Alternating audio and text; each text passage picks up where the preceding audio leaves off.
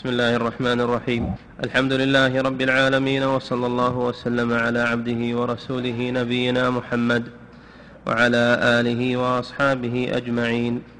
قال المؤلف رحمه الله تعالى وجرى مثل ذلك لأبي مسلم الخولاني الذي ألقي في النار فإنه مشى هو ومن معه من العسكر على دجلة وهي ترمي بالخشب من مدها ثم التفت إلى أصحابه فقال تفقدون من متاعكم شيئا حتى أدعو الله عز وجل فيه. فقال بعضهم فقدت مخلات. فقال اتبعني فتبعه فوجدها قد تعلقت بشيء فأخذها. نعم بسم الله الرحمن الرحيم. الحمد لله والصلاة والسلام على رسول الله وبعد. قبل البداية الدرس الليلة القادمة ما في شيء درس التفسير. وأما سياق ذكر الكرامات لأولياء الله فمنها هذه الواقعة لأبي مسلم الخولاني وهو ولي من أولياء الله في اليمن ومن التابعين. عذبه الأسود العنسي الذي يدعي النبوة أحضره فقال له أتشهد أن محمدا رسول الله؟ قال نعم. قال أتشهد أني رسول الله؟ قال لا أسمع. فأمر به فألقي في النار فلم تضره النار. هذه كرامة له أن الله سبحانه وتعالى وقاه من النار. وقد وقع هذا لإبراهيم الخليل عليه الصلاة والسلام فهي للخليل معجزة. ولأبي مسلم كرامة ولما وفد على عمر بن الخطاب رضي الله عنه أو جاء إلى المدينة في حياة أبي بكر رضي الله عنه فجلس فجلسوا بين أبي بكر وعمر وقال عمر الحمد لله الذي لم يمتني حتى رأيت في أمتي محمد من أنقذه الله من النار كما أنقذ إبراهيم الخليل من النار. ومن كرامته الثانية هذه الواقعة في المشي على نهر دجلة على الخيول. قطعوه ولم تتأثر خيلهم وركابهم بالماء. حتى إنه قال لأصحابه هل أحد منكم ضاع له شيء؟ فقال رجل منهم نعم ضاع لي مخلات. مخلات مثل المخلب يقطع به الخلا وهو العشب. فدعا الله فوجدها متعلقة بشيء فأخذها. نعم. وطلبه الأسود العنسي لما ادعى النبوة فقال له أتشهد أني رسول الله؟ قال ما أسمع. قال أتشهد أن محمدا رسول الله؟ قال نعم. فأمر بنار فألقي فيها فوجدوه قائما يصلي فيها وقد صارت عليه بردا وسلاما. نعم كما كانت على إبراهيم بردا وسلاما بأمر الله سبحانه وتعالى. الله قادر على كل شيء. نعم. وقدم المدينة بعد موت النبي صلى الله عليه وسلم فأجلسه عمر بينه وبين أبي بكر الصديق رضي الله عنهما. إكراما له. نعم. وقال الحمد لله الذي لم يمتني حتى أرى من أمة محمد صلى الله عليه وسلم من فعل به كما فعل بإبراهيم خليل الله. نعم.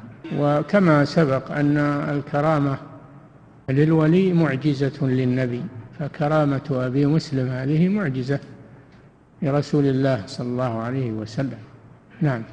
ووضعت له جارية السم في طعامه فلم يضره. مع أنه من عادة السم أنه يقتل. فالذي أنجاه من النار قادر على أن ينجيه من السم. والله جل وعلا يسلب هذه المواد خصائصها إذا شاء. فيسلب النار الإحراق ويسلب السم القتل. نعم. وخببت امرأة عليه زوجته فدعا عليها فعميت. وهذه القصة الثالثة له كرامة ثالثة. نعم. وخببت امرأة عليه زوجته فدعا عليها فعميت وجاءت وتابت فدعا لها فرد الله عليها بصرها. والتخبيب هو تنفير هو تنفير الزوجة من زوجها. ومن الملعونين من خبب امرأة على زوجها. نعم. وكان عامر بن عبد القيس يأخذ عطاءه ألفي درهم في كمه وما وما يلقاه سائل في طريقه إلا أعطاه بغير عدد. وكان وكان عامر بن عبد القيس نعم. يأخذ عطاءه ألفي درهم في, كم في كمه وما يلقاه سائل في طريقه إلا أعطاه بغير عدد. ثم يجيء إلى بيته فلا يتغير عددها ولا وزنها. نعم. يأخذ عطاءه يعني نصيبه من بيت المال فما لقيه من فقير أعطاه فلا ينقص عدد ما معه. والنبي صلى الله عليه وسلم قال ما نقص مال من صدقة بل تزده وإما أن أنه يزيد بركة ينقص عددا لكنه يزيد بركة وإما أنه لا ينقص عدده أيضا كما في هذه القصة. وهذه كرامة. أما لغيره فالمال إذا تصدق منه ينقص ينقص عدده لكن يزيده بركة. أما هذا الولي فلم ينقص عددا أيضا. هذا من كرامات الأولياء. نعم. ومر بقافلة قد حبسهم الأسد فجاء حتى مس بثيابه الأسد ثم وضع رجله على عنقه وقال إنما أنت كلب من كلاب الله وإني أستحي أن أخاف شيئا غيره. نعم وأذل الله له الأسد السبع الفاتك الذي أرعب الناس سد عليهم الطريق فجاءه ومسه بثيابه ووضع رجله على رقبته وقال له إنما أنت كلب من كلاب الله يعني أن الله قادر على أن يمنعك من أذى الناس. وقال إني أستحي من الله أن أخشى أحدا غيره فتركهم الأسد ومروا سالمين. نعم. ودعا الله تعالى أن يهون عليه الطهور في الشتاء فكان يؤتى بالماء له بخار. نعم ودعا الله أن يهون عليه برودة الماء برودة الماء في الشتاء لأنه يقوم للصلاة ويتوضأ بماء بارد فكان يؤتى بالماء ساخنا بدون تسخين إجابة لدعوته. هذا من كراماته. نعم. ودعا ربه أن يمنع قلبه من الشيطان وهو في الصلاة فلم يقدر عليه. نعم دعا لأن الشيطان يوسوس للمصلي ويشغله قل من يسلم من ذلك. ولكن هذا الولي دعا الله أن يمنع الشيطان عنه فمنعه في صلاته فكان لا يقدر على أن يوسوس له. نعم. وتغيب الحسن البصري عن الحجاج. فدخلوا عليه ست مرات فدعا الله عز وجل فلم يروه. نعم. الحسن البصري بن أبي الحسن إمام التابعين العالم المشهور حسن البصري. كان الحجاج كان الحجاج يغضب عليه لأنه لا تأخذه في الله لومة لائم وينكر على الحجاج. والحجاج كما تعلمون رجل فاتك. فاتك سفاك للدماء. مخيف. أرسل إليه بطلبه دخلوا عليه جند الحجاج في بيته فدعا الله أن لا يروه فلم يروه. الله قادر على كل شيء. فكما أخذ أبصار آه كما أخذ أبصار المشركين عن عيسى بن مريم عليه السلام حتى رفعه الله من بينهم وهم مجتمعون لقتله. وكما أنجى الله محمدا صلى الله عليه وسلم من المشركين في مكة يريدون قتله فخرج من بينهم. وكذلك في غار ثور وقفوا عليه هو وصاحبه فلم يروه. ونجاه الله منهم. هذه معجزة للرسول صلى الله عليه وسلم. وهي كرامة للحسن البصري. والكرامة إنما تحدث عند الحاجة أو عند الحجة في الدين. نعم. ودعا الحسن البصري على بعض الخوارج كان يؤذيه فخر ميتا. كان رجل من الخوارج وهم الفئة الضالة التي تشق عصا المسلمين ولا ترى السمع والطاعة لولي الأمر. تكفر المسلمين بالذنوب التي دون الشرك. كان يؤذي الحسن البصري لأن الحسن يخالف الخوارج. وينقض كلامهم فتأذوا منه فجاء هذا الخارجي يهدده يهدد الحسن البصري فدعا الله عليه فخر ميتا في مكانه. هذا من كرامات الأولياء إجابة الدعوة في الحال. نعم. وصلة بن أشيم مات فرسه وهو في الغزو. كذلك من الكرامات أن الله قد يحيي بعض الدواب التي تكون مع ولي من الأولياء يحمل عليها متاعه يقطع بها مسافة الطريق قد تموت. فيدعو الله أن يحييها حتى توصله. فالله جل وعلا يستجيب له ويحيي هذه الدابة.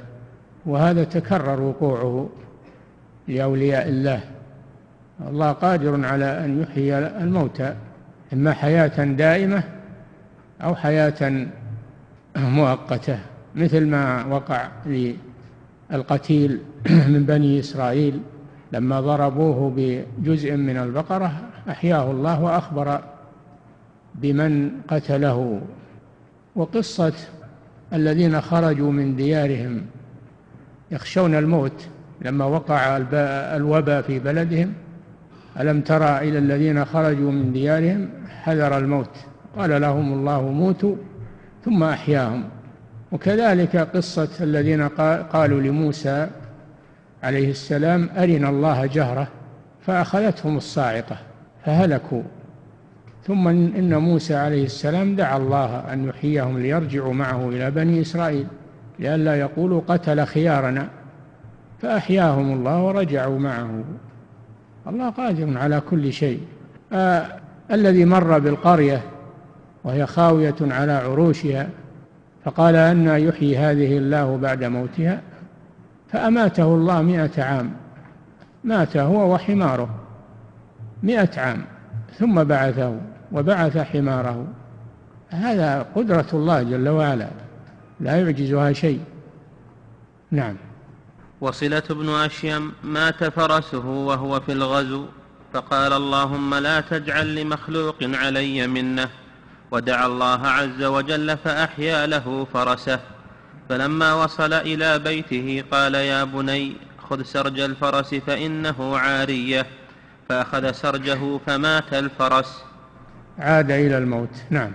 وجاع مرة بالأهواز فدعا الله عز وجل واستطعمه فوقعت خلفه دوخلة رطب في ثوب في ثوب حرير. فأكل التمر وبقي الثوب عند زوجته زمانا. الدوخلة هي الوعاء من الخوص. الدوخلة هي الوعاء من الخوص خوص النخل. يوضع فيه التمر وغيره. والغالب أنه يوضع فيه التمر. فلما جاء هذا الولي دعا الله أن يطعمه فأتته دوخلة فيها التمر أو فيها الطعام فأكل منها. ومعها حرير أعطاه لزوجته لأن الحرير لا يحل للرجال فبقي الثوب عند زوجته تلبسه مدة فهذا من كرامات الأولياء. نعم. وجاء الأسد وصلة يصلي في غيظة بالليل فلما سلم قال له اطلب الرزق من غير هذا الموضع فولى الأسد وله زئير. نعم ولا الأسد أيضا تكرر ما يقع منه مع أولياء الله ومنها هذه القصة أنه جاء إلى صلة بن أشيم وهو يصلي في أشجار ملتفة غيضة يعني أشجار ملتفة. فلما سلم هو لم يمس المصلي حتى سلم. فلما سلم قال له التمس الرزق. في غير هذا الموضع فذهب. فهذا من كرامات أولياء الله. يجد رجلا ما ليس عنده أحد وهو جائع ثم يتركه ويولي. هذا من من كرامات الأولياء. نعم. وكان سعيد بن المسيب في أيام الحرة يسمع الأذان من قبره صلى الله عليه وسلم أوقات الصلوات وكان المسجد قد خلا فلم يبق غيره. كان سعيد بن المسيب إمام التابعين المخزومي رضي الله عنه أحد الفقهاء السبعة المشهور بالعلم كان لما وقعت الحرة والحرة هي وقعة غزا فيها جيش يزيد أهل المدينة لأنهم خرجوا عليه لأن أهل المدينة خرجوا على يزيد ابن أبي ابن معاوية على يزيد بن معاوية. وقد أخطأوا في هذا لأنه لا يجوز الخروج على ولي الأمر. فغزاهم بجيش تسلط عليهم وفتك بهم فتكا ذريعا وبالغ في الانتقام. ابن عمر رضي الله عنه اعتزل اعتزل الفتنة ومنع أولاده أن يشاركوا فيها. ويرى أن بيعة يزيد أنها في أعناقهم ونهاهم عن الخروج عليه فلم فلم يقبلوا فكانت العاقبة ما حصل وقعت الحرة مشهورة عقوبة لهم. كذلك سعيد بن المسيب اعتزل في المسجد ولم يبقى فيه غيره والمسجد لا لا يؤذن فيه في تلك الفترة لكنه كان يسمع أذانا من جهة القبر النبوي. فهذا دليل فهذه كرامة من كرامات الأولياء. والأذان هذا لأجل أن ينبهه على دخول الوقت. نعم. ورجل من النخع كان له حمار فمات في الطريق فقال له أصحابه هلم نتوزع متاعك على رحالنا. فقال لهم أمهلوني هنية. ثم توضأ فأحسن الوضوء وصلى ركعتين ودعا الله تعالى. فأحيا له حماره فحمل عليه متاعه. نعم. هذا مثل قصة صلة بن أشيم السابقة أن الله أحيا له حماره وأغناه عن الناس لما دعا الله جل وعلا أن يغنيه عن منة الناس. فأغناه الله وأحيا له حماره حتى وصل إلى مقصوده. نعم. ولما مات أويس القرني وجدوا في ثيابه أكفانا لم تكن معه قبل ووجدوا له قبرا محفورا فيه لحد في صخرة فدفنوه فيه وكفنوه في تلك الأثواب. أويس القرني سبق ذكره وهو من أولياء الله من التابعين من أهل اليمن وكان مجاب الدعوة أخبر عنه الرسول صلى الله عليه وسلم بأنه سيأتي إلى المدينة فمن استطاع أن يدعو له فلما جاء إلى المدينة وكان بارا بأمه فلما جاء وفد اليمن جاء معهم فعلم به عمر رضي الله عنه وبحث عنه حتى أدركه فطلب منه أن يستغفر الله له. فهذا أويس القرني. من أولياء الله. لما مات وجدوا وجدوا معه أكفانا لم تكن معه في حياته.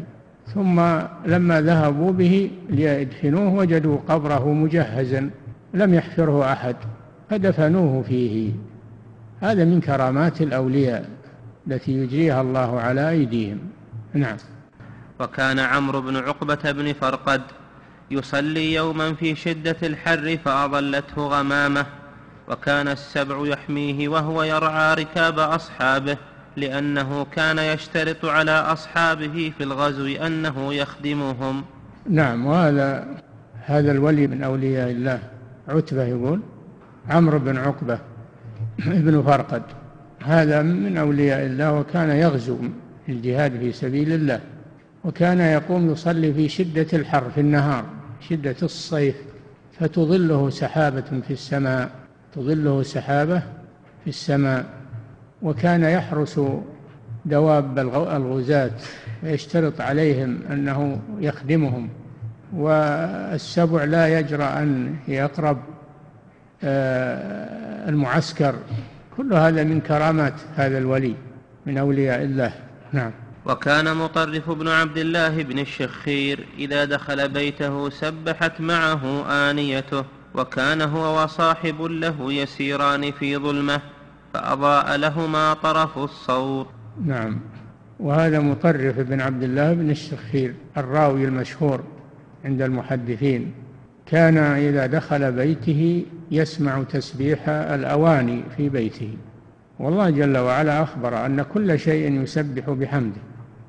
ولكن لا نفقه تسبيحه ولكن هذا الولي يسمع تسبيحه تسبيح الأواني وكان يسير هو وصاحب له في ظلمة فأنار الله لهما الطريق وهذا وقع للصحابة وقع للصحابة الذين جاءوا إلى النبي صلى الله عليه وسلم وجلسوا معه في الليل فلما ذهبوا في ظلام الليل أعطاهم النبي صلى الله عليه وسلم عصا فكان ينير لهم الطريق إلى أن وصلوا إلى إلى بيوتهم. فهذا من كرامات الأولياء. نعم عباد بن بشر وغيره حصل لهم هذا مع النبي صلى الله عليه وسلم. نعم. ولما مات الأحنف بن قيس وقعت قلسلوة رجل في قبره فأهوى ليأخذها.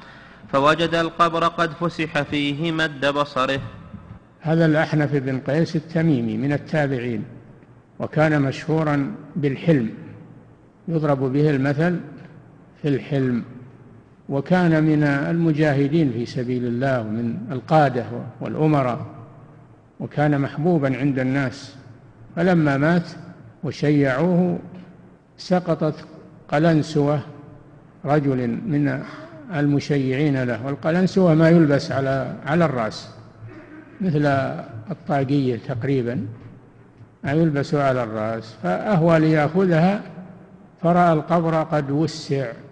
وهذا في مصداقه في الحديث أن المؤمن يوسع عليه قبره مد بصره.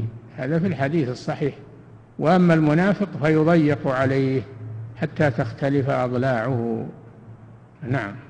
وكان إبراهيم التيمي يقيم الشهر والشهرين لا يأكل شيئا وخرج يمتار لأهله طعاما فلم يقدر عليه فمر بسهلة حمراء فأخذ منها ثم رجع إلى أهله ففتحها فإذا هي حنطة حمراء. إبراهيم التيمي الإمام المشهور والزاهد والواعظ البليغ وقع له من كرامات الأولياء أنه كان يصبر عن الطعام لمدة شهرين بما يعطيه الله من القوة واللذة في عبادة الله سبحانه وتعالى. وأيضا خرج ليمتار لأهله يشتري لهم ميرة يعني الطعام ولم يكن معه نقود فلم يشتري شيئا. مر برملة حمراء فملأ أوعيته منها من أجل أن يظهر أمام الناس أنه أنه جاء بشيء. فلما فتحوها وجدوها حنطة حمراء قلبها الله سبحانه وتعالى. فهذا من كرامات الأولياء. نعم. ثم رجع إلى أهله ففتحها فإذا هي حنطة حمراء. نعم. فكان إذا زرع منها تخرج السنبلة من أصلها إلى فرعها حبا متراكبا. نعم كانت مباركة حيث أنه إذا زرع من من هذه الحنطة تخرج كل القصبة كلها حب حب حنطة. نعم. وكان عتبة الغلام سأل ربه ثلاث خصال صوتا حسنا ودمعا غزيرا وطعاما من غير تكلف. فكان إذا قرأ بكى وأبكى ودموعه جارية دهرة. وكان يأوي إلى منزله فيصيب فيه قوته ولا يدري من أين يأتيه. هذا عتبة الغلام العابد المشهور والمجاهد في سبيل الله سأل الله هذه الطلبات أن يرزقه صوتا حسنا فكان صوته حسنا إذا قرأ بكى وأبكى وأن يرزقه البكاء من خشية الله. فكانت لا تجف له دمعة من خشية الله. وسأل الله أن يرزقه رزقا لا كلفة فيه. فكان إذا جاء إلى بيته وجد فيه الطعام لا يدرى من أين جاء. وهذا كما حصل لمريم وكما حصل لمريم بنت عمران كلما دخل عليها زكريا المحراب وجد عندها رزقا. قال يا مريم أنى لك هذا. قالت هو من عند الله. كذلك ما حصل لخبيب بن عدي في مكة وهو أسير عند المشركين وكان يوجد عنده العنب مع أن, أن مكة ليس فيها عنب. لكن هذه من كرامات الأولياء. نعم. وكان عبد الواحد بن زيد أصابه الفالج فسأل ربه أن يطلق له أعضاءه وقت الوضوء. فكان وقت الوضوء تطلق له أعضاؤه. ثم تعود بعده. نعم كان أصابه الفالج. والفالج داء يصيب الجسم أو الأعضاء فلا تتحرك لا تتحرك. فأصابه فسأل الله أن يطلق له أعضاءه ليتوضأ لعبادة الله وللطاعة فاستجاب الله له. فكانت أعضاؤه تنطلق عند الوضوء تنطلق عند الوضوء فقط ثم تعود. إلى حالتها. نعم. وهذا باب واسع قد بسط الكلام على كرامات الأولياء في غير هذا الموضع. نعم.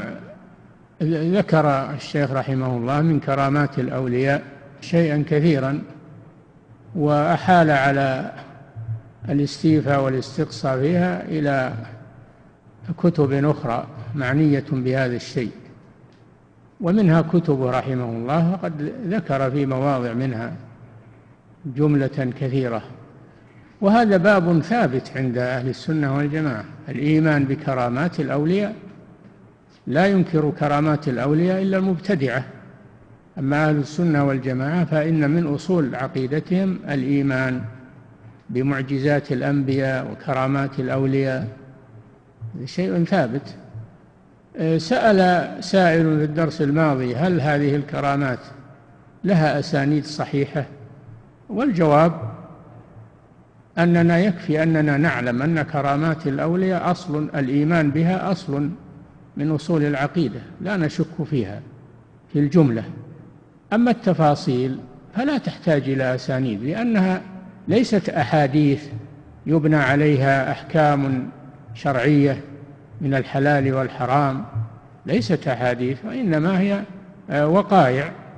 وقائع إن ثبتت فهي كرامات وإن لم تثبت فلا يضر هذا عدم ثبوتها لا ينقص الدين شيئا. لكنها إذا ثبتت فإنها تزيد في الإيمان تزيد في إيمان العبد تذكره بالله سبحانه وتعالى. نعم. وأما ما نعرفه عن أعيان ونعرفه في هذا الزمان فكثير. نعم الشيخ يقول ذكر ما روي ثم أخبر أنه هو هو شاهد شيئا كثيرا من هذه الكرامات في زمانه. رآها عيانا فلا مجال للتشكيك فيها. نعم. ومما ينبغي أن يعرف أن الكرامات قد تكون بحسب حاجة الرجل فإذا احتاج إليها الضعيف الإيمان أو المحتاج أتاه منها ما يقوي إيمانه ويسد حاجته.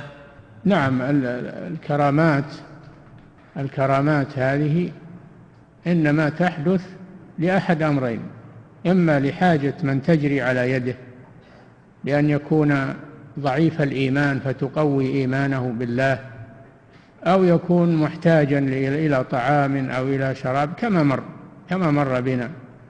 أو إلى دابة يحمل عليها أو إلى آه، أن يقويه الله على العبادة. فهي إما لحاجة حاجة إيمانية أو حاجة إنسانية يحتاجها الإنسان أو لحجة في الدين. أو تكون لحجة في الدين بأن تؤيد ما يقوله ذلك العالم أو ذلك الولي فتظهره على خصومه. ومثل هذا ما حصل للمؤلف نفسه. المؤلف رحمه الله ضايقه الناس كلهم وضايقه السلاطين وسجنوه وحبسوه ولم يستطيعوا منعه من ما مزاولة نشر العلم والدعوة إلى الله. ولم يستطيعوا بعد موته أن يمنعوا أثره الذي امتد على العالم الإسلامي إلى اليوم. هذا من كرامات الأولياء بلا شك.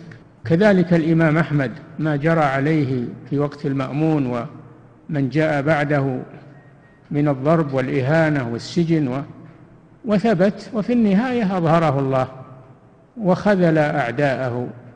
هذا من كرامات أولياء الله سبحانه وتعالى. هذا من إظهار الحجة. هذا من إظهار الحجة. ما يجري لأئمة الدين من الانتصار على خصومهم هذا من إظهار الحجة في الدين. نعم. ومما ينبغي أن يعرف أن الكرامات قد تكون بحسب حاجة الرجل فإذا احتاج إليها الضعيف الإيمان أو المحتاج أتاه منها ما يقوي إيمانه ويسد حاجته. نعم. ويكون من هو أكمل ولاية لله منه مستغنيا عن ذلك. نعم هذا سؤال قد يرد أو هو وارد بالفعل وهو هل الكرامات لا بد الولي أنه تجري على يده كرامات؟ لا هو بلازم. ولا يدل إذا لم تجري على يده كرامة لا يدل هذا على نقص ولايته. فهناك من أولياء الله من هم من سادات الأولياء ولا جرى لهم كرامات. لقوة إيمانهم ولأنهم ليسوا بحاجة إليها. وقد تجري الكرامات لمن هو دونهم في الإيمان لحكمة من الله سبحانه وتعالى. فلا يقال أنه لا يكون الولي إلا بشرط أن تجري على يده كرامة. هذا إنما يقوله الخرافيون والمبتدعة. مع أهل السنة فيقولون ليس من لازم الولاية لله أن تجري على يد الولي كرامة. ما هو لازم هذا؟ فينبغي أن يعرف هذا الأمر.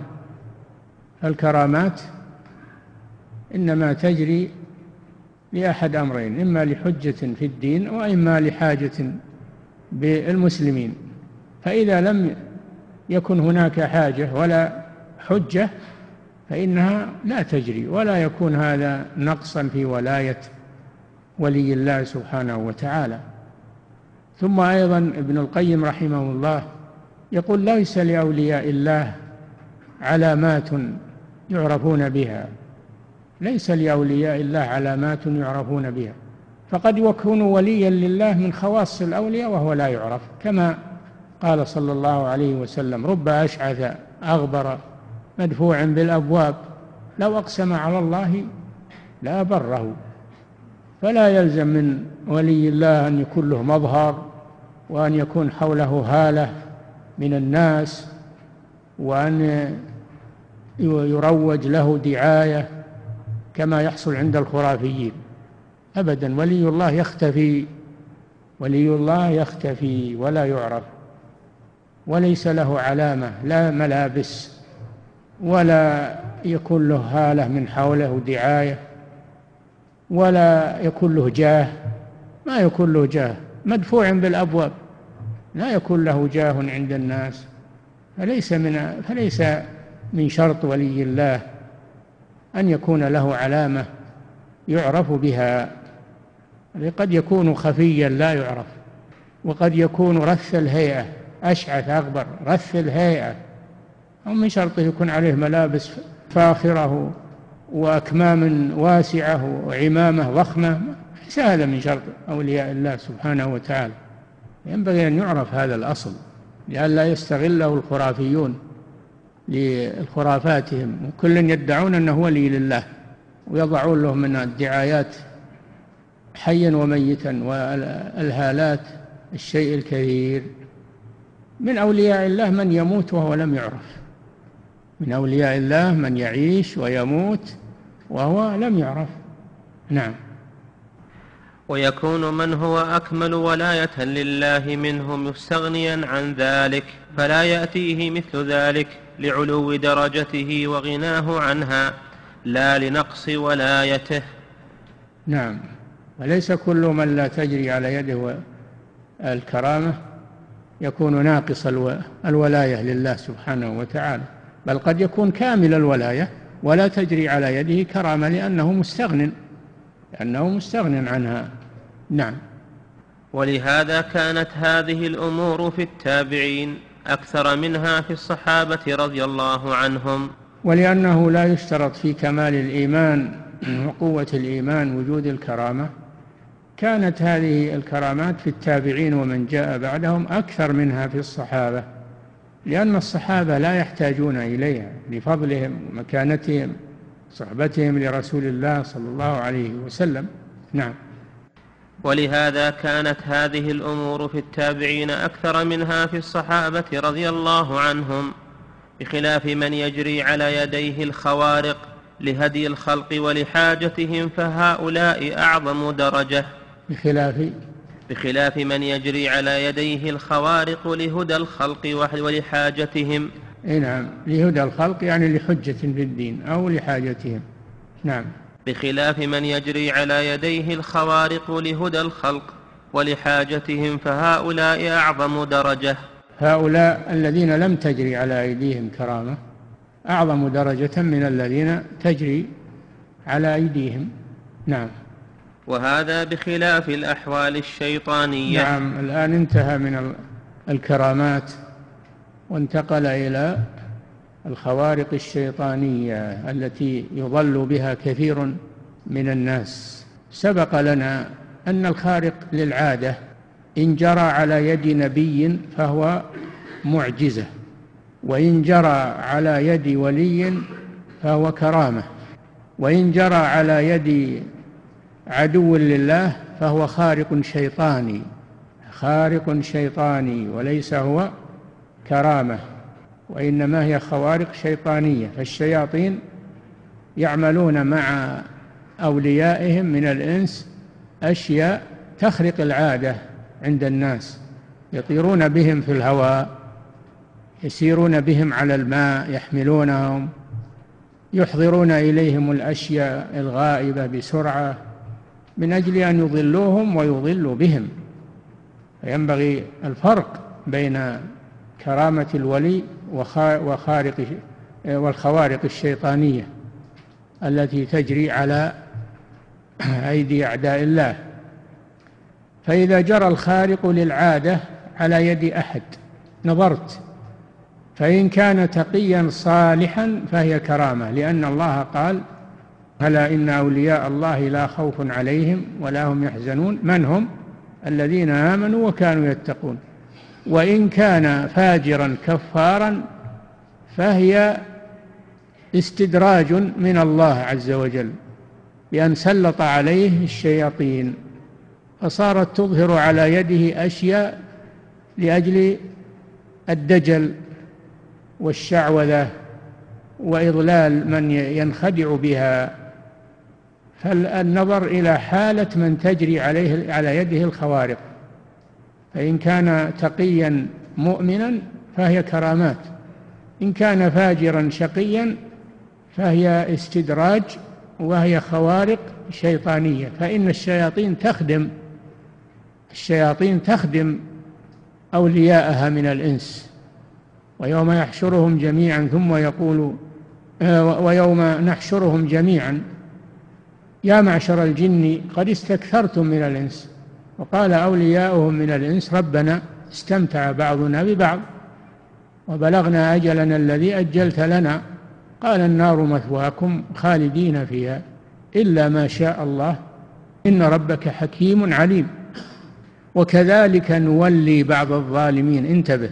وكذلك نولي بعض الظالمين بعضا بما كانوا يكسبون. والله يولي بعض الظالمين بعضا بسبب كسبهم الكفر وإجرامهم في حق الله سبحانه وتعالى.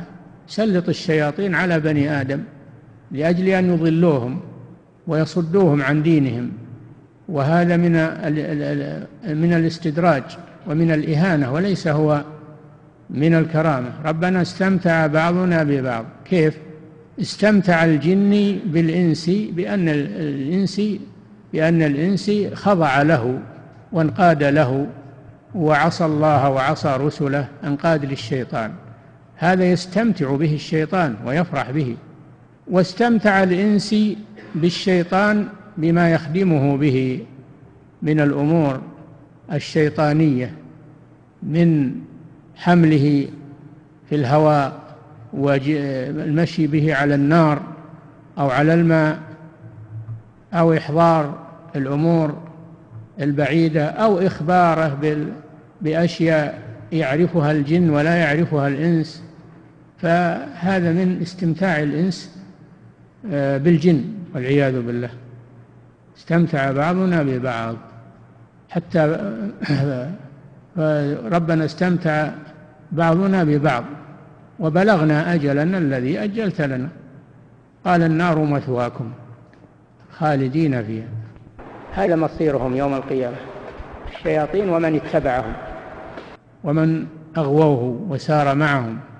وإن خدموه في الدنيا وغرر بالناس أنه, أنه ولي من أولياء الله بل إنهم يعطون الولاية الناس أو الخرافيون يعطون الولاية لمن يرون أنه لا يصلي ولا يصوم ولا يترك الفواحش ويقولون لأنه ساقط عنه التكليف هذا بلغ مرتبة من الولاية والقرب من الله حتى أنه سقط عنه التكليف.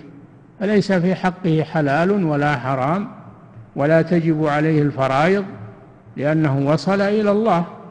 هكذا يقول الشياطين والعياذ بالله. فيعطون الولاية لمن يرونه لا يصلي ولا يصوم ولا يؤمن بالله ولا يؤمن بالرسل. ويقولون هذا ولي من أولياء الله لأنه ليس بحاجة إلى الرسل وليس بحاجة إلى العمل وليس بحاجة إلى إلى العبادة لأنه وصل إلى الله. شوف كيف يبلغ الشيطان ببني آدم من التغرير والعياذ بالله. الله جل وعلا قال ألا إن أولياء الله لا خوف عليهم ولا هم يحزنون. الذين آمنوا وكانوا يتقون بهذين الشرطين الإيمان والتقوى. فكيف يكون الفاجر الذي لا يصلي ولا يصوم ويفعل اللواط والزنا والفواحش ويشرب الخمر يكون وليا لله مع أنه من أشد أعداء الله نسأل الله العافية.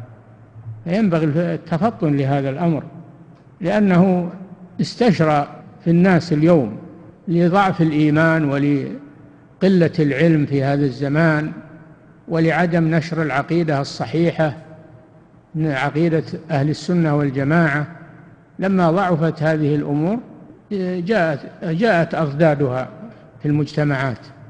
والآن يقولون أنهم يقيمون فضائيات الآن بث فضائي للمخرفين وللسحرة والكهان وأعداء الله ورسوله ويصفونهم بالولاية وبالعلم وبالتقوى فليحذر المسلمون من هذه الأمور. نعم. وهذا بخلاف الأحوال الشيطانية مثل حال عبد الله بن صياد الذي ظهر في زمن النبي صلى الله عليه وسلم وكان قد ظن بعض الصحابة رضي الله عنهم أنه الدجال. وتوقف النبي صلى الله عليه وسلم في أمره حتى تبين له فيما بعد أنه ليس هو الدجال لكنه كان من جنس الكهان. نعم عبد الله بن صياد هذا ظهر في وقت النبي صلى الله عليه وسلم وجاء إلى المدينة وكان يظهر عليه أشياء ظنوا أنه الدجال الكذاب. النبي صلى الله عليه وسلم اختبره بأشياء فتبين أنه ليس هو الدجال. ولما قال أحد الصحابة هلا أقتله يا رسول الله؟ قال إن, إن كان هو الدجال فلن تسلط عليه وإن لم يكن هو فلا خير لك في قتله فتركوه ولم يكن من أولياء الله. نعم. فهذا دليل على أن الخوارق تأتي على يد من ليس من أولياء الله. نعم. الدجال أكبر أكبر الكذبة وأكبر آه، عملاء الشيطان الدجال الأكبر الذي يخرج في آخر الزمان. يكون معه خوارق يكون معه جنة ومعه نار ويأمر يأمر السماء فتمطر ويأمر الأرض فتنبت ويقتل الرجل ويمشي بين آه، قطع ثم يأمره فيقوم حيا. هذه خوارق لكنها خوارق شيطانية وتدجيل وكذب. فلا يغتر بهؤلاء. نعم. فلما تبين له فيما بعد أنه ليس هو الدجال لكنه كان من جنس الكهان قال له النبي صلى الله عليه وسلم قد خبأت لك خبأ اختبره النبي صلى الله عليه وسلم. قد خبأت لك خبأ يعني شيء خفي. فما هو هذا الشيء الخفي؟ فلم يستطع الجواب. فقال له اخسأ لن تعد قدرك. إنما أنت من إخوان الكهان. نعم. فقال الدخ الدخ وكان قد خبأ له سورة الدخان. فقال له النبي صلى الله عليه وسلم اخسأ فلن تعدوا قدرك. يعني إنما أنت من إخوان الكهان. نعم. ما عرفوا شو النبي خبأ له. يقول الدخ الدخ. ما قال سورة الدخان؟ نعم.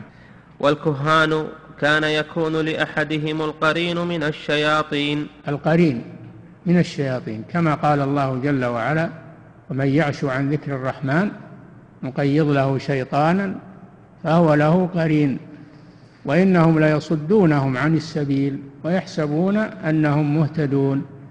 حتى إذا جاءنا قال يا ليت بيني وبينك بعد المشرقين فبئس القرين. قال الله جل وعلا ولن ينفعكم ولن ينفعكم اليوم إذ ظلمتم أنكم في العذاب مشتركون. نعم. يكون لأحدهم القرين من الشياطين يخبره بكثير من المغيبات بما يسترقه من السمع. نعم بما يسترقه من السمع. هذه ناحية. الناحية الثانية أن الشيطان سريع قطع الفيافي يطير يطير في الهواء. ويطلع على أمور لا يطلع عليها بنو آدم فيخبرونهم يخبرون بني آدم بذلك فتنة لهم. نعم. وكانوا يخلطون الصدق بالكذب. نعم كما أنهم إذا سرقوا الكلمة من السماء كذبوا معها مئة كذبة. صدقهم الناس بسبب تلك الكلمة التي سمعت من السماء. صدقوهم في تسع وتسعين كذبة. نعم. وكانوا يخلطون الصدق بالكذب كما في الحديث الصحيح الذي رواه البخاري وغيره أن النبي صلى الله عليه وسلم قال إن الملائكة, إن الملائكة تنزل في العنان وهو السحاب فتذكر الأمر قضي في السماء فتسترق الشياطين السمع فتوحيه إلى الكهان فيكذبون معها مئة كذبة من عند أنفسهم. نعم. هل أنبئكم على من تنزل الشياطين؟ تنزل على كل أفاك أثيم. يلقون السمع وأكثرهم كاذبون. هذا هؤلاء الكهان وهؤلاء الذين ينخدعون بهم. أكثرهم كاذبون. نعم. وفي الحديث الذي رواه مسلم عن ابن عباس رضي الله تعالى عنهما أنه قال بينما النبي صلى الله عليه وسلم في نفر من الأنصار إذ رمي بنجم فاستنار. فقال النبي صلى الله عليه وسلم ما كنتم تقولون لمثل هذا في الجاهلية إذا رأيتموه. قالوا كنا نقول يموت عظيم أو يولد عظيم. فقال صلى الله عليه وسلم فإنه لا يرمى بها لموت أحد ولا لحياته. ولكن ربنا تبارك وتعالى إذا قضى أمرا سبح حملة العرش ثم سبح أهل السماء الذين يلونهم ثم الذين يلونهم حتى يبلغ التسبيح أهل هذه السماء الدنيا. ثم يسأل أهل السماء السابعة حملة العرش ماذا قال ربنا فيخبرونهم؟ ثم يستخبر أهل كل سماء حتى يبلغ الخبر أهل السماء الدنيا. وتخطف الشياطين السمع فيرمون وتخطف الشياطين السمع فيرمون. فيقذفونه إلى أوليائهم فما جاءوا به على وجهه فهو حق ولكنهم يزيدون. نعم هذا حديث حديث النواس بن سمعان رضي الله عنه حديث أبي هريرة. كلها تدل على أن الشياطين يحاولون استراق السمع ما يتكلم به الملائكة في السماء ولكن الله قيض لهم الشهب وهي النجوم رجوما للشياطين. تنبثق منها شهب فترمي الشياطين فتحرقهم. وقد يدركه الشهاب قبل أن يلقي الكلمة التي سمعها وقد يلقيها قبل أن يدركه الشهاب فيكذبون معها مئة كذبة ويروجونها على الناس من باب الفتنة. هؤلاء هم الشياطين والكهان أتباع الشياطين. هم كهان وليسوا أولياء لله. لا يقال أن هذه كرامات وإنما هؤلاء كهان من من عملاء الشيطان والعياذ بالله. فرق بين ولي الله وعدو الله. وإن جرت على يد عدو الله خوارق فلا يغتر بها لأنها من الشياطين وليست من الله سبحانه وتعالى. خلاف الكرامات فإنها من الله أكرم بها عباده المؤمنين المتقين. نعم. ففرق بين مصدر الكرامة ومصدر الخارق الشيطاني وفرق بين ولي الله وولي الشيطان. فرق بين هذا وهذا. الناس بحاجة إلى معرفة هذه الأمور اليوم لأنه كثر الدجل وكثر الشعوذة وكثر السحر والكهانة فيجب أن العلماء أن العلماء ينشرون هذا وطلبة العلم يتلقونه ويعرفونه حتى ينشروه في الناس ويحذروا من هذه هذه الفضائيات الكافرة الدجالة التي غرت الناس وهذه الاتصالات تصلون على الناس بالجوالات وبالإنترنت ويروجون لهم ويهددونهم بأنك ستموت وأنك سيحصل لك كذا وكذا ولكن أعطنا كذا وكذا ونحن نسعى في خلاصك وما أشبه ذلك والعياذ بالله. نعم. وفي رواية قال معمر قلت للزهري أكان يرمى, أكان يرمى بها في الجاهلية؟ قال نعم ولكنها غلظت حين بعث النبي صلى الله عليه وسلم. نعم كانت الشهب في الجاهلية كثيرة. الشهب يرمى بها في الجاهلية كثيرة على الشياطين. فلما بعث النبي صلى الله عليه وسلم حرست السماء ولم يبق منها إلا أقل القليل. ولهذا الجن لما سمعوا القرآن قالوا إنا سمعنا قرآنا عجبا يهدي إلى الرشد فآمنا به ولن نشرك بربنا أحدا. إلى قولهم وأنا كنا نقعد منها أي من السماء مقاعد للسمع. فمن يستمع الآن يجد له شهابا رصدا وأنا لا ندري أشر أريد بمن في الأرض أم أم أراد أم أرى أم أريد وأنا لا ندري أشر أريد بمن في الأرض أم أراد بهم ربهم رشدا. فهذا ما حصل عند البعثة عند بعثة النبي صلى الله عليه وسلم. ولما لم تكثر الشهب أرسل الشيطان جواسيسه يبحثون وش السبب؟ فرجعوا إليه وقال بعث, بعث محمد صلى الله عليه وسلم فعند مبعثه حرست السماء. نعم. أم أراد بهم ربهم رشدا لا ندري أشر أريد بمن في الأرض. أم أراد بهم ربهم رشدا؟ هكذا تقول الجن الشياطين.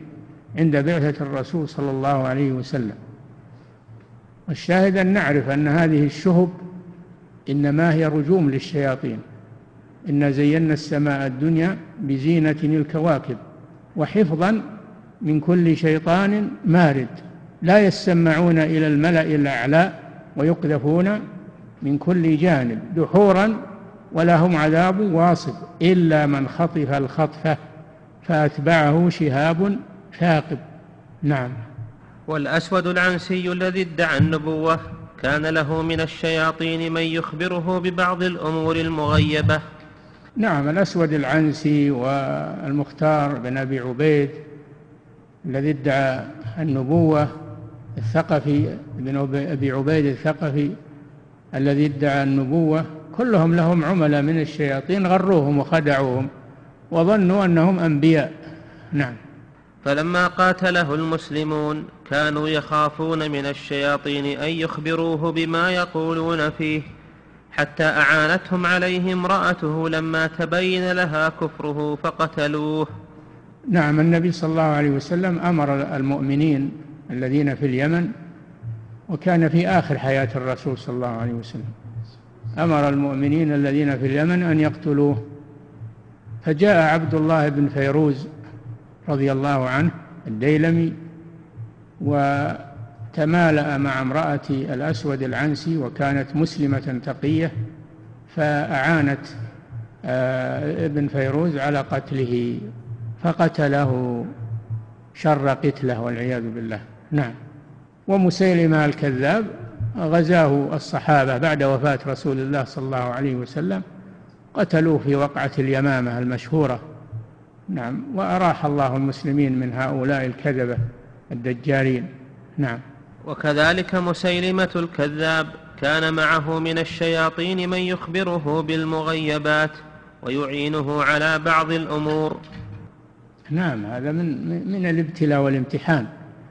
أن هؤلاء معهم شياطين تساعدهم. فيظن الناس أنها أن هذه معجزات وأنهم أنبياء في حين أنها خوارق شيطانية والذين معه ليسوا ليسوا ملائكة وإنما هم شياطين. نعم.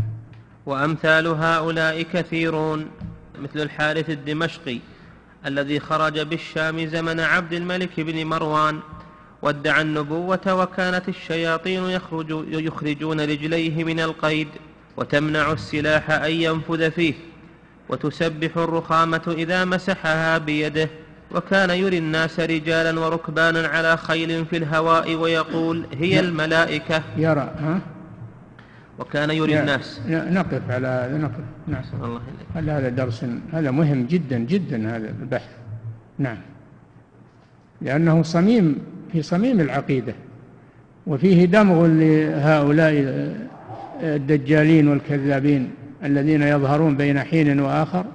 ولما تسهلت الاتصالات استخدموها. لما تسهلت الاتصالات بين العالم استخدموها لإضلال الناس والعياذ بالله. نعم. أحسن الله إليكم صاحب الفضيلة. هذه أسئلة كثيرة. أعرض على فضيلتكم ما تيسر منها. هذا سائل يقول هل كرامات الأولياء حجة في الدين؟ وهل من لا يصدق بالكرامات يعد من أهل البدع؟ إي نعم من لا يصدق بها يعد من أهل الضلال كالمعتزلة ومن نحى نحوهم والعقلانيين. العقلانيون حتى المعجزات ينكرونها يقولون هذه أمور عادية. فالذي لا يصدق بها يعتبر من أهل الضلال قد يصل إلى حد الكفر. نعم. أحسن الله إليكم صاحب الفضيلة وهذا السائل يقول من كان ينكر بعقله هذه الكرامات؟ أو المعجزات التي للأنبياء عليهم السلام من غير أن يحدث بذلك. هل عليه التوبة من ذلك؟ وهل هو آثم؟ إن كان وسواس في نفسه وساوس في نفسه ويتركها خوفا من الله ولا يتكلم بها خوفا من الله فإنها لا تضره. أما إن كان يتكلم بها فإنه حينئذ يجري عليه الحكم الشرعي حسب ما ينطبق عليه. نعم. أحسن الله إليكم صاحب الفضيلة وهذا السائل يقول ما معنى قول صلة بن أشيم في قصة فرسه لابنه فإنه عارية؟ من الله عارية من الله سبحانه وتعالى أو أنه يريد أن لا يظهر لابنه هذه الكرامة خشية من العجب يقول عارية يعني من من الناس. نعم. أحسن الله إليكم صاحب الفضيلة وهذا سائل يقول هل من لازم كرامة الولي أن تكون معجزة للنبي؟ نعم ما تكون كرامة لولي إلا وهي معجزة للنبي لأن هذا الولي ما جرت على يده إلا بسبب اتباعه للرسول صلى الله عليه وسلم. فإذا لم يكن متبعا للرسول فهي خارق شيطاني وليست كرامة. نعم. أحسن الله إليكم صاحب الفضيلة وهذا السائل يقول علماء الدعوة وأبناؤهم ومن بعدهم. هل وقعت لهم كرامات؟ ما سمعنا بشيء من هذا ما سمعنا بشيء من هذا. وقلنا الشيخ يقول ما هو من لازم ولي الله أن تجري على يده كرامات. نعم. أحسن الله إليكم صاحب الفضيلة. وهذا سائل يقول هل تنصحني يا صاحب الفضيلة بقراءة كتاب سير أعلام النبلاء وهو في خمسة وعشرين مجلدا؟ يأخذ عليك الوقت لكن تطالع فيه المواضع التي تحتاج إليها المواضع التي تحتاج إليها تطالعها فيه.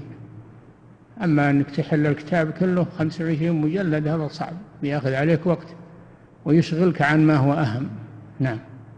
أحسن الله إليكم صاحب الفضيلة وهذا السائل يقول ما رأيكم في كتاب التشوف إلى رجال التصوف لابن الزيات؟ والله ما اطلعت عليه. لا ما اطلعت عليه. ما أدري هو يمدح رجال التصوف أو يذمهم. ما أدري. نعم. أحسن الله إليكم. وهذا يسأل يقول ما رأيكم بكتاب الكواكب الدرية في تراجم السادة الصوفية للمناوي؟ وكذلك لا أعرف هذا لكن المناوي عنده شيء من الخرافات. عنده شيء من الخرافات. نعم. أحسن الله إليكم صاحب الفضيلة. هذا السائل يقول ما هو السبيل إلى أن أصل إلى الولاية؟ التي وصل إليها هؤلاء الأولياء. الآية الإيمان والتقوى. ألا إن أولياء الله لا خوف عليهم ولا هم يحزنون. الذين آمنوا وكانوا يتقون.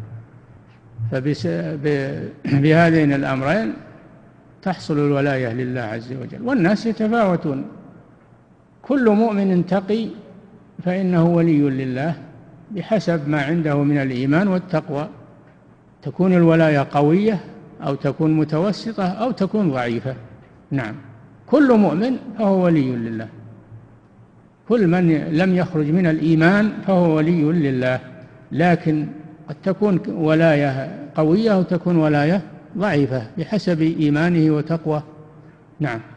أحسن الله إليكم صاحب الفضيلة. وهذا السائل يقول ما هو الجمع بين ما يذكره بعض أهل العلم أن معجزة النبي لا تتكرر مثل ما يذكر من شفاء الأبرص أن هذا غير ممكن لأنه معجزة لعيسى. وبين معجزة إبراهيم وما حصل لأبي مسلم الخولاني وقد تكررت. قد يحصل هذا. قد يحصل أن يجري على يد الولي كرامة تشبه معجزة النبي لكنه ليس بنبي وإنما هو ولي حصل عليها بسبب اتباع ذلك النبي. نعم. أحسن الله إليكم صاحب الفضيلة وهذا سائل يقول هل صحيح أن الحسن البصري رحمه الله خرج على الحجاج في فتنة ابن الأشعث؟ ما أدري ما سمعت هذا. أما فتنة ابن الأشعث فهي شديدة وحصل فيها أمور شديدة ولكن الله كفى المسلمين شرها. نعم. أحسن الله إليكم صاحب الفضيلة وهذا سائل يقول هل يوجد في هذا الزمان شيء من كرامات الأولياء مثل ما وقع للسابقين. الله أعلم. قد يقع قد يقع لكن ما ما عرفنا شيء من ذلك. لكنه عدم علمنا معرفتنا بذلك لا يدل على أنه ما يحصل. نعم. أحسن الله إليكم صاحب الفضيلة. وهذا السائل يقول إبراهيم التيمي هل هو إبراهيم بن أدهم أو غيره؟ لا لا ما هو إبراهيم بن أدهم. إبراهيم بن أدهم هذا من العباد الزهاد. وهو أيضا عالم من العلماء لكن تيمي فقيه وعالم ومحدث. نعم. أحسن الله إليكم صاحب الفضيلة. ما حكم إطلاق لفظ الصوفية على الأولياء والعباد والزهاد من أهل السنة الذين لم يدخلوا في شيء من بدع المتصوفة؟ لا الصوفية مبتدعة لكن المتصوفة متفاوتون. متفاوتون والتصوف أصله كل التصوف أصله بدعة. لكن تطور بأصحابه إلى أن وصل إلى حد وحدة الوجود وكما سبق في قص في ذكر ابن عربي والحلاج و وأتباعهم. نعم. أحسن الله إليكم صاحب التصوف يتطور لأن البدعة تجر إلى بدعة والشر يجر إلى شر. فلما كان التصوف في أصله مبتدعا تطور حتى وصل بأصحابه إلى الإلحاد. نعم.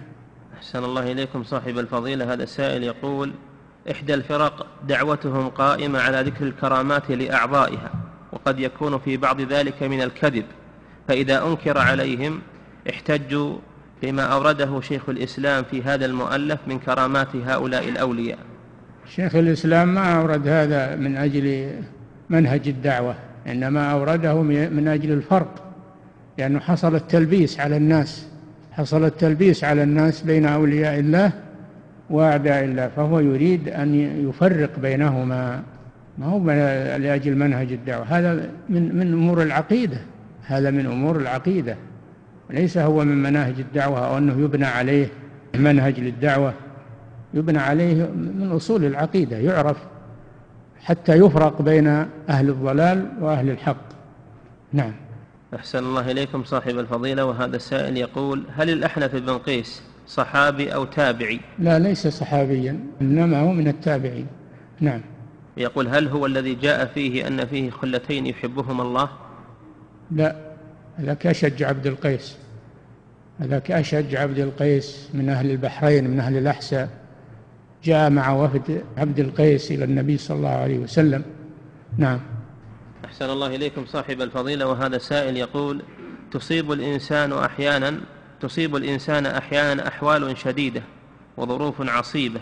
هل الأولى له أن يدعو الله تعالى دعاء عاما بأنواع الفرج أم يسأل الله جل وعلا سؤالا خاصا بما يعلمه عن نفسه من أعمال صالحة؟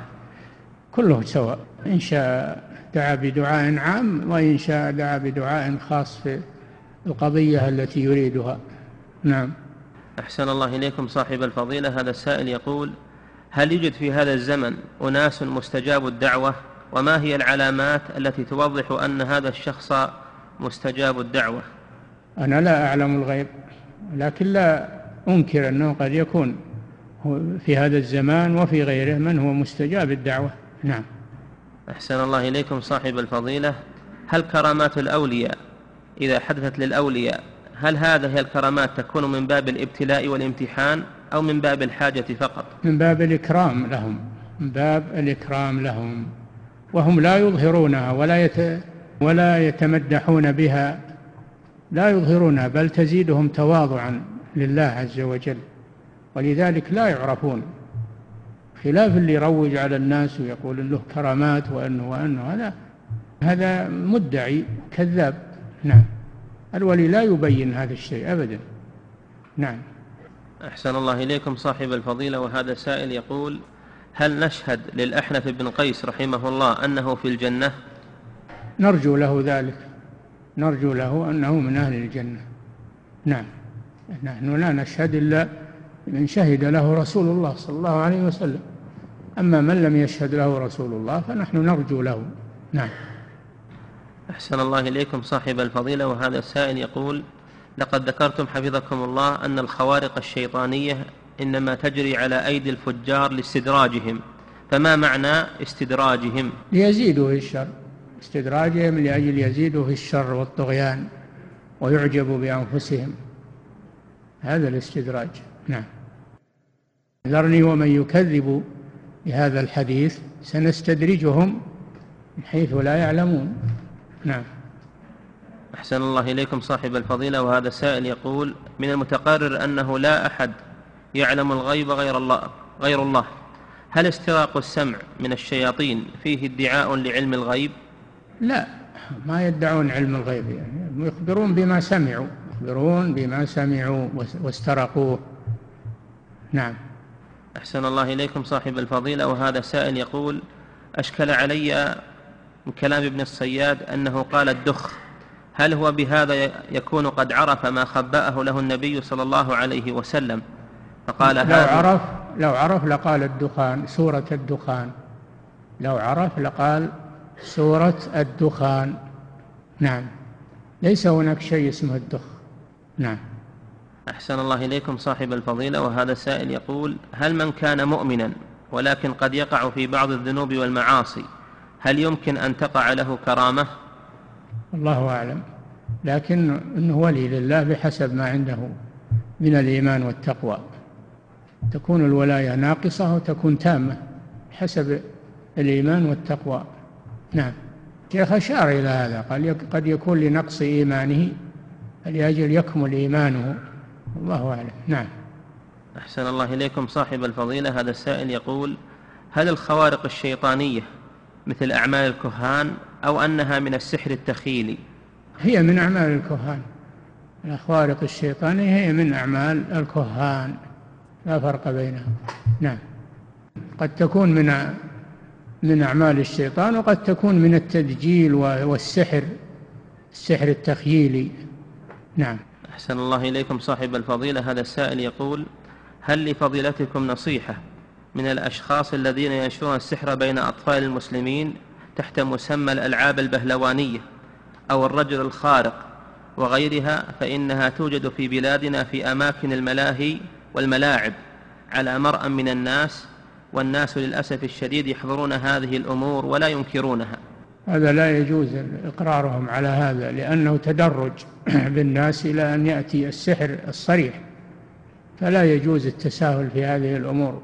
وقال هذه بهلوانية هذه آه، حركة رياضية هذه إلى آخره لأن هذا فتح باب للمشعوذين والدجالين والسحرة والكهان فلا يجوز فتح هذا الباب يجب إغلاقه ويجب منع هذا المنكر من الملاهي ومن الحفلات ومن المصايف يجب منع هذه الأمور ولا يتساهل فيها بحجة أنها من الرفاهية ومن المرفهات ومن هذه أمور تجر إلى شرور ولا يفتح هذا الباب المغلق على هذه البلاد التي عاشت على العقيدة الصافية العقيدة الصحيحة.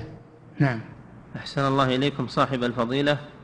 هذا سائل يقول هل يصدق الكاهن في الكلمة التي يصدق بها والتي خلط معها مئة كذبة؟ مش اللي يدريك بس عن هذه الكلمة تضيع مع هذا مع هذا الكلام الكثير. نعم. الذي يعرفك به نعم. أحسن الله إليكم صاحب الفضيلة. هذا السائل يقول ما هو الأصل في مثل هذه الأقوال؟ هل هي من الكرامات أم أنها من أحوال الخرافيين وأهل البدع؟ حيث نسمع من يقول في هذه الأيام إن فلانا صعد على جبل عرفة وقال اللهم لك الحمد على نعمة الإسلام ثم أتى في العام القادم وصعد على الجبل فسمع هاتفا ينادي إن الملائكة لم تزل تسجل الحسنات على مقولتك في العام الماضي ولم تتوقف إلى الآن. هذه شياطين هذه شياطين. صعود جبل عرفات غير مشروع. بدعة. صعود جبل عرفات من أجل الطاعة والقربة هذا بدعة. وما يسمع وقيل لا هذا من الشياطين لتغره وتضره وتضر غيره. لأن أصل صعود جبل عرفات إنما هو من البدع. نعم. أحسن الله إليكم صاحب الفضيلة وهذا السائل يقول هل الرمي بالشهب على الشياطين خاص بالوحي في حياة النبي صلى الله عليه وسلم أم يكون في هذا الزمان؟ يستمر وهو موجود في هذا الزمان لكنه قليل من بعثة الرسول صلى الله عليه وسلم وهو قليل.